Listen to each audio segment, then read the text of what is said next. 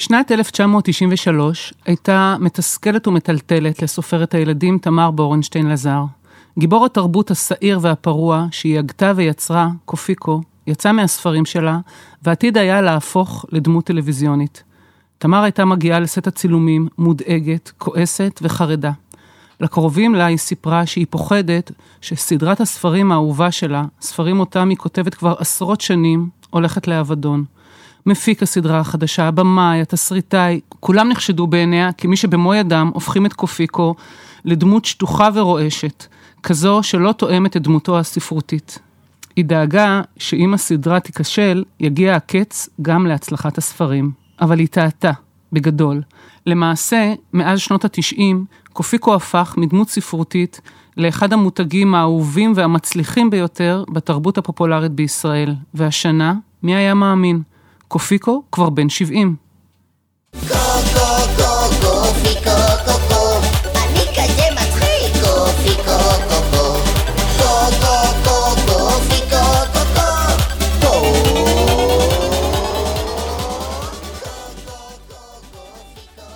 ברוכות וברוכים הבאים להסכת הספרנים. אני ורד ליאון ירושלמי, ואת הפרק הזה נקדיש לאחת הדמויות האהובות והמצליחות ביותר בישראל, קופיקו, שהשנה אנחנו מציינים 70 שנה להולדתו במוחה היצירתי והפורה של הסופרת תמר בורנשטיין לזר. תמר נפטרה ביוני 2020 וארכיונה העשיר נמסר לספרייה הלאומית. שלום לנוגה ברק, בתה הבכורה של תמר, ולא פחות חשוב, מי שבהשראתה נוצרה נוגה, הילדה המתוקה וחברתו הטובה ביותר של קופיקו. זה נכון לציין את שנת 93, קו פרשת המים, השנה שבה קופיקו יצא מהספרים והפך לכוכב טלוויזיה, ובהמשך למותג של ממש? לחלוטין. השנה הזו הייתה שנת המהפך, אם נקרא לזה כך. שנה הקשה ביותר לאימא שלי, כמו שאת ציינת, אבל השנה שגם הפכה את קופיקו מדמות של ספר למותג על. ולאימא שלך המעבר הזה היה מאוד קשה, כי באמת לא היה לזה תקדים עד אז בתרבות הפופולרית. אנחנו נדבר בהמשך על ההצלחה המסחרית. אז איך היא הרגישה עם המעבר הזה? סופרת, שכותבת הרבה מאוד ספרים, מקדשת את הספר ואת המילה הכתובה, מקדשת את פיתוח הדמיון של הילדים, ופתאום לוקחים את היצירה הספרותית הדמיונית שנראית שונה במוחו של כל ילד, והופכים אותו לדמות טלוויזיונית, כמו שאמרת בפתיח, החששות שלה לדמות טלוויזיונית שטוחה. היא פחדה שילדים אה, יראו את הסדרה ויגידו, זה לא הקופיקו שדמיינו אותו. והנה עברו 30 שנה, ומי היה מאמין איזו הצלחה. אז בואי נחזור ממש להתחלה. Okay. ההתחלה אוקיי. הייתה בשנת 1951. איך בכלל עלה הרעיון במוחה להמציא קוף מדבר ממדינת חונטוזה הדמיונית שבאפריקה, שמגיע לישראל ומתחיל לעשות בלאגנים? מה שהיא סיפרה, שהרעיון היה בעקבות הסיפורים שהיא סיפרה בבית הספר, כשהייתה גננת, היא הייתה מורה, מאחר שהתחילה לכתוב את קופיקו עוד לפני שנולדתי, והיא רצתה לספר סיפור שמשמח את הילדים. הדרך שהיא חשבה שאפשר לספר את הסיפור, המשעשע והמצחיק, היה באמצעות אה, דמות שהכי קרובה לבני האדם, קוף, אה, שובב ומצחיק, שעובר לגור במשפחה נורמטיבית, פחות או יותר, הכל בעיני המתבונן, ומגיע מחונטוזה, כי הסיפור היה שמהג'ונגלים מגיעים הקופים, אז היא המציאה איזושהי מדינה דמיונית שקוראים לה חונטוזה, שלדעתי היום יש אנשים שבטוחים שיש מדינה כזאת באפריקה. כן. אז הסיפור הראשון על קופיקו הוא בעצם אה, אה, תסכית רדיו. אין לנו אמנם את ההקלטה שלו, אבל יש לנו הקלטה בקולה של תמר, של אה, תחילת הספר הראשון בסדרה, בואי נשמע. שלום ילדים, כאן תמר בורנשטיין לזר, ועכשיו אספר לכם את הסיפור, קופיקו האורח. לתמר, אמא של נוגה, יש אח מלאך שתמיד מביא מתנות לילדים. פעם, כשחזרה נוגה מבית הספר, ראתה שהדוד אבי הגיע. רצה נוגה לקראתו ושאלה, דוד אבי, מה הבאת לי מתנה? לפתע הישמע קול מצחיק, אבי, אבי. דוד אבי, איך אתה עושה את הקול הזה? התפעלה נוגה. זה לא הקול שלי, זה הקול של המתנה שהבאתי לך, אמר אבי. יצאו שניהם למרפסת, על מעקה המרפסת עמד קוף. דוד אבי, הבאת לי קוף צעצוע, איזה יופי. וזה לא צעצוע, זה קוף אמיתי, אמר אבי. שנה אחר כך, ב-1952, היא מפרסמת סיפור דומה בעיתון דבר לילדים, וכיוון שאת עוד לא קיימת, לילדה בסיפור קוראים אפרת, אבל אז מגיעה תפנית בעלילה. ספרי לנו. נכון. הסיפור שסופר במשפחה, שלפתע הוצאת ספרים בשם הוצאת זליקוביץ', החליטו לקחת את הסיפורים שכנראה נראו לעורך ולבעל ההוצאה, סיפורים מאוד אטרקטיביים, ולפרסם את זה בספרים. כמובן ללא אישור וללא רשות. אה, ואז הוחלט אה, שוב במשפחה, שבמקום להתכתש עם הוצאת הספרים, ילך האבא, שלומקה, מפורסם אחר כך מהסיפורים, ינהל משא ומתן עם ההוצאה, ואכן החליטו שבמקום לריב, ייתנו לו עוד סיפורים ויוציא ספרי קופיקו, וכך בעצם התחילו לפרסם את ספרי קופיקו. בעצם הכל התחיל כפיצוי על הפרת זכויות אה, יוצרים. בדיוק, בשפה שלנו היום הכל התחיל כפיצוי על הפרת זכויות, נכון. אוקיי, אז תמר באמת אה, עושה בחירה ספרותית לא נפוצה. אה, לכל הדמויות בספרים היא נותנת שמות של אנשים אמיתיים. המשפחה נכון. שלכם, וככה גם לרוב הדמויות, זאת אומרת, לזר זה שם המשפחה שלכם, לאבא האמיתי שלך קראו שלמה שלום, לזר. שלמה, בסדרה זה שלומקה. זה היה שם שלו, שלומקה. אה, האחים שלך, לפחות בספרים הראשונים, הם יורם ואורנה, בני הדודים שלך. נכון, וכשייוולדו האחיות התאומות שלך, גם הם ייכנסו, וכך גם השכנים, שושנה ואברום, והם באמת היו השכנים שלכם. מה עומד מאחורי הבחירה הזאת, לתת לכל הדמויות, כמעט לכל הדמויות, שמות אמיתיים? זה נראה לה מאוד טבעי, לספר בעצם את הסיפור של השכונה, של המשפחה, של האירועים. זה בעיניה נראה מאוד אותנטי. שאלה הסיפורים האמיתיים ואלה הילדים האמיתיים וזה מה שעובר על החיים שלהם והקוראים יכלו מאוד להזדהות עם מה שקרה בשכונה כי זה דמה מאוד לסיפורים שהיו בכל מיני מקומות אחרים בארץ, ככה הם התחברו הרבה יותר טוב לילדים. אבל השכנים, למשל אה, שושנה ואברום ומנהל בית הספר, שגם לא, היא נתנה את השם האמיתי, הם לא, הם לא נפגעו. דווקא למנהל בית הספר היא קצת שינתה את השם, הוא ניסה לתבוע אותה. אני חייבת להגיד שבעיתונות דאז התביעה הזאת די שישעה הרבה מאוד אנשים. אה, בסופו של דבר הוא משך את התביעה. אה, קראו לו, אפשר היום לספר, קראו לו צהלך למנהל בית הספר, והיא קראה לו בסיפור סלחוביץ'. כי היא רצתה לספר איזשהו סיפור על בית הספר גורדון, שבו היא הייתה מורה והוא היה מנהל בית ספר, והיא לא רצתה להשתמש בשם האמיתי שלו, אז היא קראה לו סלחוביץ', ואת יודעת על מה הייתה התביעה? לא על עצם זה שהיא ניסתה להשתמש בשם שלו, אלא עצם זה שהיא שעקנזה אותו. וואה. חתיכת עלבון. אה, גם העלילה של כל הספרים מתרחשת בשכונה אמיתית, אין גנים. כיום נכון. זו עוד שכונה בפתח תקווה, אבל בעבר אין גנים היה מושב הפועלים הראשון בארץ ישראל. נכון. הוא הוקם ב-1908.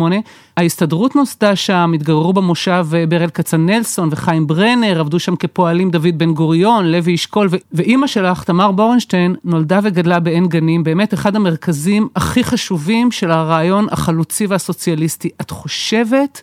שיש קשר בין המקום המאוד אידיאולוגי, שאימא שלך גדלה והתגוררה כל חייה ליצירת הדמות הכל כך ישראלית וצברית של קופיקו? יכול מאוד להיות, מפני שכל התפיסה דאז, ואני גם זוכרת את זה מהסבתא שלי, שהייתה גם היא חלק מכוכבות הספרים, היה אה, לדבר עברית, להיות בארץ ישראל, החלוציות. עכשיו, יכול מאוד להיות שחלק מהתפיסה שהאימא גדלה עליה, היא בעצם לייצר פה משהו חדש. כי דווקא הדבר החדש הזה, שאנחנו נראה בהמשך, יצר אצל הרבה אנשים נוגדנים של מה זה הסיפור הזה בעברית, צברית, קצת סלנגית, זה לא מקובל, זה לא יפה, זה לא נכון. יאה. וגרם להרבה מאוד ביקורת, אבל אני מניחה שבעצם בית הגידול שלה היה איזשהו בסיס ורצון ליצור משהו חדש, בהחלט. אל תשכחי שהיא גם ילידת הארץ, וגם הוריה הגיעו בגיל מאוד צעיר יחסית, זאת אומרת, הם היו צברים מאוד מאוד שורשיים, כך שכל התפיסה הייתה מחזון ורצון להקים מדינה, ולהקים משהו שלנו, ולייצר שפה חדשה, ו... כך שבהחלט זה היה עיקר הגידול כן, שלה. אז באמת קופיקו ממש מייצג את הישראליות והצבריות אה, במיטבם. אה, וסדרת הספרים הופכת מהר מאוד אה, ללהיט. אה, רב מכר להצלחה חסרת תקדים בספרות הילדים. אני לא חושבת שיש ילדים שגדלו בארץ בשנות ה-60 וה-70 שלא קראו את קופיקו. נכון. בכל הארץ, בערים, בקיבוצים, בעיירות פיתוח. מדובר על הוצאה של שניים, שלושה, לפעמים אפילו ארבעה וחמישה ספרים בשנה. נכון. איך היא כתבה כל כך מהר? מה, מה סוד ההצלחה הזאת? קודם כל היה לה צורך לכתוב כל הזמן. אדם יצירתי כל הזמן יושב וכותב. אני זוכרת אותה בשנים שהיא עוד לימדה בבית הספר והייתה מורה, הייתה חוזרת ב-12 אחת בצהריים, יושבת וכותבת, פעם זה היה ליד המכונת כתיבה, אחר כך זה היה ליד המחשב, תמיד היא ישבה וכתבה. זאת אומרת, קצב הסיפורים היה הרבה יותר גדול מהקצב שהוצאת הספרים הייתה מסוגלת להוציא את הספרים, אבל זה פשוט אה, נבע ממנה, היא הייתה לה את הצורך הזה לכתוב, כמו שלמישהו אחר היה צורך לכתוב שירים או לכתוב דברים אחרים. היא לא יכלה בלי. וכל דבר היה חומר לסיפור. כל מה שהיא ראתה היה חומר לסיפור. כן, ואני חושבת שחלק מההצלחה אפשר לייחס גם לאיורים הצבעוניים והנפלאים בספרים. בעשורים הראשונים אמנם הציורים היו רק על כריכות הספרים, אבל בהמשך הם גם נכנסו לתוך ה... שנים לאחר מכן, כן. לתוך הספרים, נכון. בצבע. נכון, המאייר שהכי מזוהה עם הסדרה הוא אריה מוסקוביץ, שאייר נכון. גם את uh, הספרים של חסמבה ודני דין, וכדאי גם להזכיר בו עכשיו בהזדמנות הזאת, שהוא גם זה שעיצב את מרבית הסמלים של uh, היחידות בצה"ל. נכון. Uh, עד כמה תמר הייתה מעורבת בבחירת האיורים בספרים שלה? לגמרי. לחלוטין, היא הייתה יושבת אה, בהרבה מאוד פגישות עם אה, אריה, הם היו מחליטים ביחד מה יהיה על הכריכה, היא הייתה מציינת בכל דף בספר איפה יהיה איור ואיזה איור צריך להיות. אה, לפעמים הוא היה עושה משהו אחר, מה שנראה לו מהטקסט, אבל בסך הכל היא הייתה מאוד מעורבת. אז באופן הכי צפוי, עם ההצלחה, מגיעה גם הביקורת, הביקורת השלילית, ותמר ספגה המון ביקורת לאורך כל השנים. אפשר ככה להגיד בהשאלה מעולם הסרטים, אמרו על הספרים שלה שהם ספרי בורקס. נכון. אז בואי תשמעי, באפריל 1964 כותבת כרמלה לכיש, בעל המשמר. האם נגרם נזק חינוכי לילדים קוראי קופיקו? דבר אחד ברור, כנגד התפלות הרבה שבספרי קופיקו, חובה להילחם. הסדרה כולה דלה בחוויות, ברגשות, בתיאורים, בלשון ובתוכן. בינואר 88 כותב קובי ניב בעיתון חדשות. סדרת ספרי קופיקו אמנם מצליחה וגולן, הכוונה למפיק מנחם גולן, עושה מזה סרט, אבל ילדים גם אוהבים לשתות מיצים ממותקים, וזה בכלל לא הורס להם את השיניים. ילדים גם אוהבים לטפס על חלונות, למרות שהם יכולים ליפול ארבע קומות ארצה. אז מה? כך בדיוק הורים טובים לא צריכים לתת לילדיהם לקרוא ספרים כאלה, כי זה עלול להזיק למוחם. אבל אני חושבת שאולי הביקורת אה, הכי קשה, ואולי גם הכי פוגעת לאימא שלך, הייתה ממבקר הספרות והחוקר אוריאל אופק, שגם היה העורך של דבר לילדים, ומי שבעצם פתח לתמר את אה, דלת הכניסה לעולם הזה של ספרות הילדים. והוא כותב באוקטובר 1963 אה, בעיתון דבר, בעקבות כנראה איזשהו ספר אה, חדש אה, שהיא כתבה, קבוצה קטנה של מו"לים מציפה את שוק הספרים במזון רוחני קלוקל, העלול להרעיל את נפשם של הקוראים הצעירים. האין חשיבותו של המזון הרוחני שווה לחשיבותו של המזון הגופני? איך מתמודדים עם ביקורת כזאת? אני רוצה להחזיר אותך כמה שנים אחורה. בשנת, בשנות ה-60, אני חושבת שזה היה שנות ה-60, תתקני אותי אם אני טועה, הייתה אמורה להגיע לישראל להופעה להקה של איזה ארבעה פושטקים ארוכי שיער מאנגליה. קראו להם החיפושיות. כל הארץ נרעשה כיצד ניתן להכניס את המזון הרוחני הקלוקל של הארבעה שצורכים ודופקים על תופים לארץ ישראל. לא ניתן להם להיכנס לארץ. כל המצקצקים למיניהם וכל אלה שדאגו למזון הרוחני לא הסכימו בשום פנים ואופן להכניס את להקת החיפושיות לארץ. היום... שר החינוך הזה היה אבא של יוסי שריד, ושנים נכון. אחר כך הבן התנצל. נכון. והיום, כשיושבים ומנתחים את המוזיקה של החיפושיות, ומבינים את הגאוניות של המוזיקה, זה נחשב קלאסיקה. היום, כשמדברים על קופיקו, זה נחשב קלאסיקה. כן, את אומרת אבל שהיא לא נפגעה או שהיא לא מאוד הושפעה מהביקורת, אבל הדמות של קופיקו כן השתנתה עם השנים. זאת אומרת, בשנות ה-50 וה-60 הוא עשה המון התחכמויות ותעלולים, בחלקם תעלולים מאוד לא חינוכיים, נגיד, כמו לזרוק אה, בוטנים למרפסת של השכנים, הוא לימד חתול אה, לגנוב עוגות, הוא שפך אה, דלי צבע על ראש של מישהו. הוא היה משקר, היה סוג ככה של אנרכיסט, פורע חוק. אבל בשנות ה-80 וה-90 הוא הופך לדמות יותר חינוכית, זאת אומרת, הוא עוזר לילדה שעוברת חרם, הוא מקים מפלגת ילדים שרצה לכנסת, הוא קצת פחות פרוע. יכול להיות שהשינוי הזה כן נכנס בהשפעה של אותה ביקורת? לא. הביקורת באותו זמן אה, כן פגעה בה, מאוד פגעה בה. אבל נתנה לה מוטיבציה יותר גדולה להמשיך ולכתוב. השינוי לא נבע מהביקורת, השינוי נבע מהתקופה. זה כמו שהיום יש את המושג פוליטיקלי קורקט, ואת לא תגידי היום הילדה השמנה. את לא תכתבי היום, כמו שיגאל מוסנזון כתב בחסמבה, על אה, מנשה התימני ואהוד השמן ועוזי הרזה. היום זה לא יהיה כי זה לא פוליטיקלי קורקט. אז ככל שהתקופה השתנתה, והדעות השתנו, והגישות השתנו, גם היא השתנתה. היא תאימה את עצמה לרוח התקופה. היא תאימה את עצמה לרוח התקופה, ודרך אגב, קופיקו הוא בעצם סיפור של משעול חיינו, לאורך כל התקופה. עכשיו, נכון. דבר נוסף, מאחר שהיא הייתה מורה, היה חשוב לה מאוד לטפל בקונפליקטים שהיו בבית הספר, אבל בדרך של הומור ובחיוך ובקריצה באמצעות קופיקו. אותו דבר על הילדה שעברה חרם, או על ילד שלא היה לו כסף ללכת לטיול, ולכן קופיקו עשה איזשהו מגבית, אבל באופן כזה שהוא סחב את הצעצועים ואת הדברים של נוגה ויורם ועשה מכירה. אז בסך הכל, אה, הילדים צחקו מהמעשה של קופיקו, אבל התוצאה הייתה שהוא התכוון לטוב, וזאת הייתה הדרך שלה להעביר את המסרים. אז uh, המזון הרוחני הוא כזה היה, בד... בדרכה. כן. אה, אז אגב, ביקורת בעשורים האחרונים, הביקורת על קופיקו ועל אימא שלך באה מכיוון אחר לגמרי. אה, על כך שהיא התעלמה מסוגיות מאוד מרכזיות וחשובות בחברה הישראלית, מלחמות, פיגועים, מתחים חברתיים ועדתיים, שאין בספרים שלה התייחסות למיעוטים, ערבים, חרדים.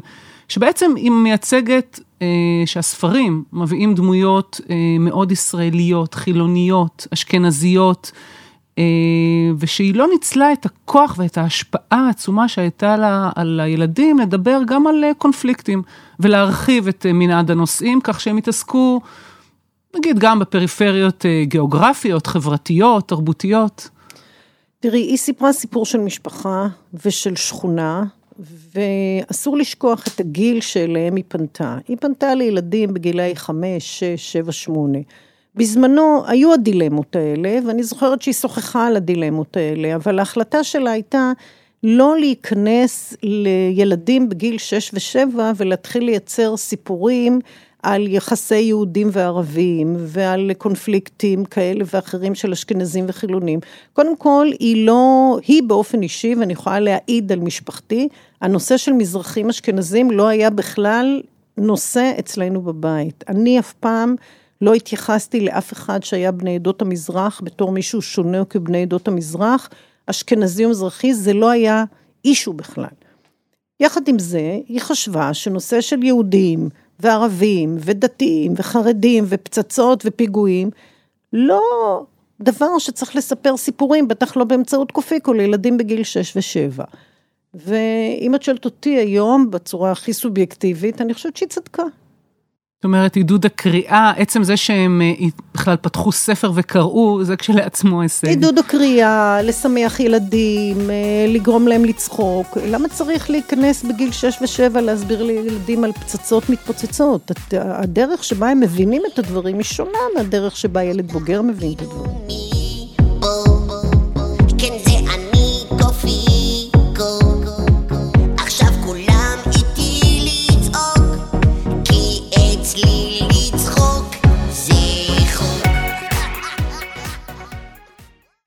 אז לקראת סיום, בואי נדבר על קופיקו בעשורים האחרונים. הזכרנו בתחילת הפרק את 1993, אה, שבה קופיקו הפך לדמות טלוויזיונית, בהתחלה בערוץ הילדים ובהמשך בעוד אה, ערוצים, נוצרו עשרות פרקים וסיפורים חדשים, הופצו קלטות וידאו, DVD, בשנים האחרונות הפרקים גם uh, עלו ליוטיוב. בעצם התחילה תעשייה שלמה שכללה הצגות, סרטים והמון מוצרי uh, צריכה ממותגים, מה שנקרא מרצ'נדייז, צעצועים, בגדים, ציוד לבתי ספר, ומי שבעצם אחראית למהפך הזה זה את. נכון. לשיווק, למסחור, למיתוג. מאיפה בא לך הרעיון?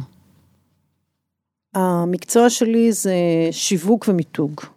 אה, אני גם הייתי שנים בתעשיית הכבלים, אה, זה התחום שבו התמחיתי, והיה לי ברור לחלוטין שראיתי את כל השינויים שחלים בעולם התקשורת בארץ, שאם קופיקו לא יצא מהספר, אז הוא יישאר שם ויימחק לעולמי עד, כמו הרבה מאוד ספרים אחרים.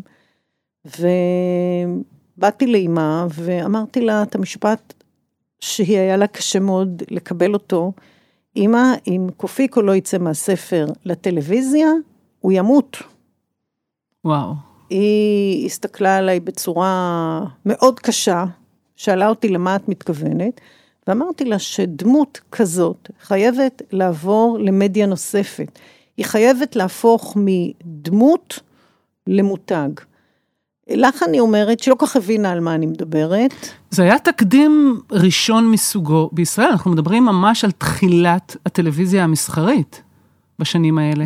נכון, אבל במי שהיה מעורב בעולם הטלוויזיה המסחרית, אנחנו מדברים עוד לפני הטלוויזיה המסחרית, אנחנו מדברים על תקופה שלפני ערוץ 2, על תקופה שרק התחלנו את ערוץ הילדים בתעשיית הכבלים, עוד לא, היה, עוד לא הייתה הוט או יס, היו 6-7 חברות כבלים.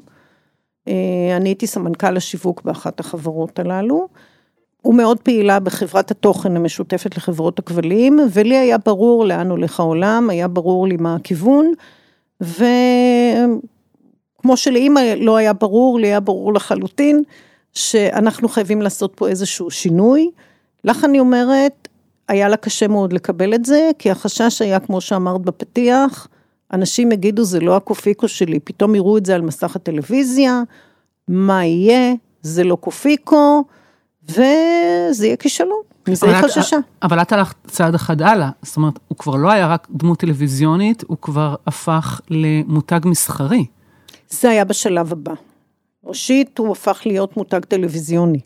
במקביל להיותו מותג טלוויזיוני, עוד לפני כן, עשיתי פעולות אה, נוספות ושונות, כמו בניית המותג וכל מיני מושגים שלא ניכנס לזה כרגע, אבל אה, בעצם לקבע גם את צורתו, גם את הדמות החדשה, ולבנות את כל המערך האסטרטגי של מותג, הסכמי זכיינות וכולי וכולי.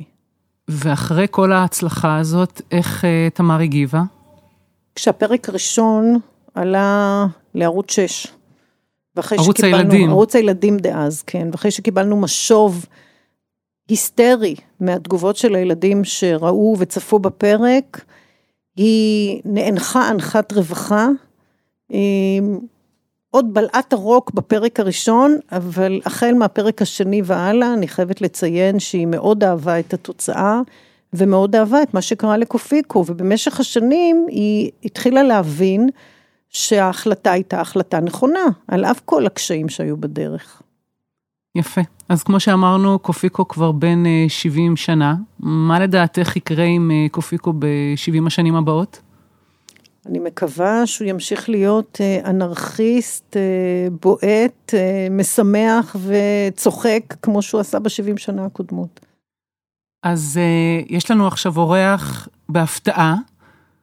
שלום, קופיקו. שלום, שלום, מה המצב? רגע, עם מי אני מדבר?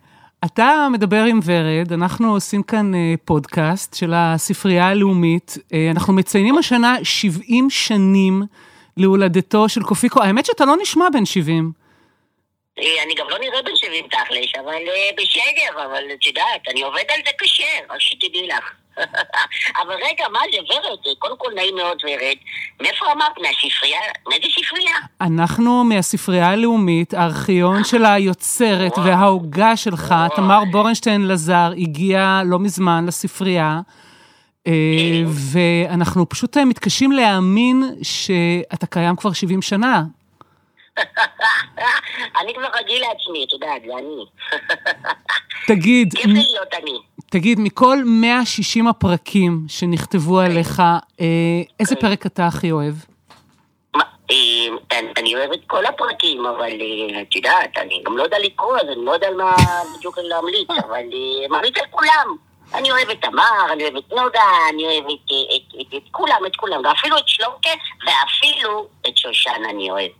שושנה, שושנה לא הפכה לסימפטית יותר עם השנים, היא התחילה בתור אה, שכנה די אה, אנטיפטית, אבל אה, כן, כן, היא בהתחלה הייתה אנטיפסטי, ואחרי זה היא לאט לאט התרחקה. בסדר, אבל את יודעת, היא עדיין רוצה להחזיר אותי לחונטוזה, וזה לא יצליח לה. כדי שיהיה לה הרבה תעלולים ושיגועים. אגב, חונטוזה, אתה עדיין בקשר עם צ'יפופו, בן הדוד שלך? אני בקשר כל המשפחה, ממש עם כולם. את יודעת, יש לנו את, ה, את הוואטסאפ הקבוצתי של המשפחה, ואנחנו בקשר, מתקשרים ככה, טוב, בטח. זה נחמד לדעת שיש וואטסאפ משפחתי למי שלא יודע לקרוא, אבל אה, סבבה. מה שנקרא... לא בסדר, אני מקליט, רק מקליט הודעות, רק מקליט הודעות. אה, זה נכון, נכון. אה, אין ספק. גם שיחות וידאו. יופי, מעולה. אז תשמע, אנחנו מאחלים לך עוד uh, 70 שנה לפחות מוצלחות ומהנות וכיפיות, כמו ה-70 שנים האחרונות, ותודה, תודה רבה. בכיף באהבה, ואל תשכחו, באמת, אני אומר לכם מכל הלב, מאוד חם, לא לשכוח לאכול בננה, בסדר? תודה, תודה רבה. זה טוב לאור הפנים, תראי איך אני נראה. אור חלק. להתראות קופיקו, להתראות בעוד 70 ביי שנים. ורד, איזה כיף, יאני, קוף חשוב, איזה כיף. יאללה, ביי ורד. ביי ביי.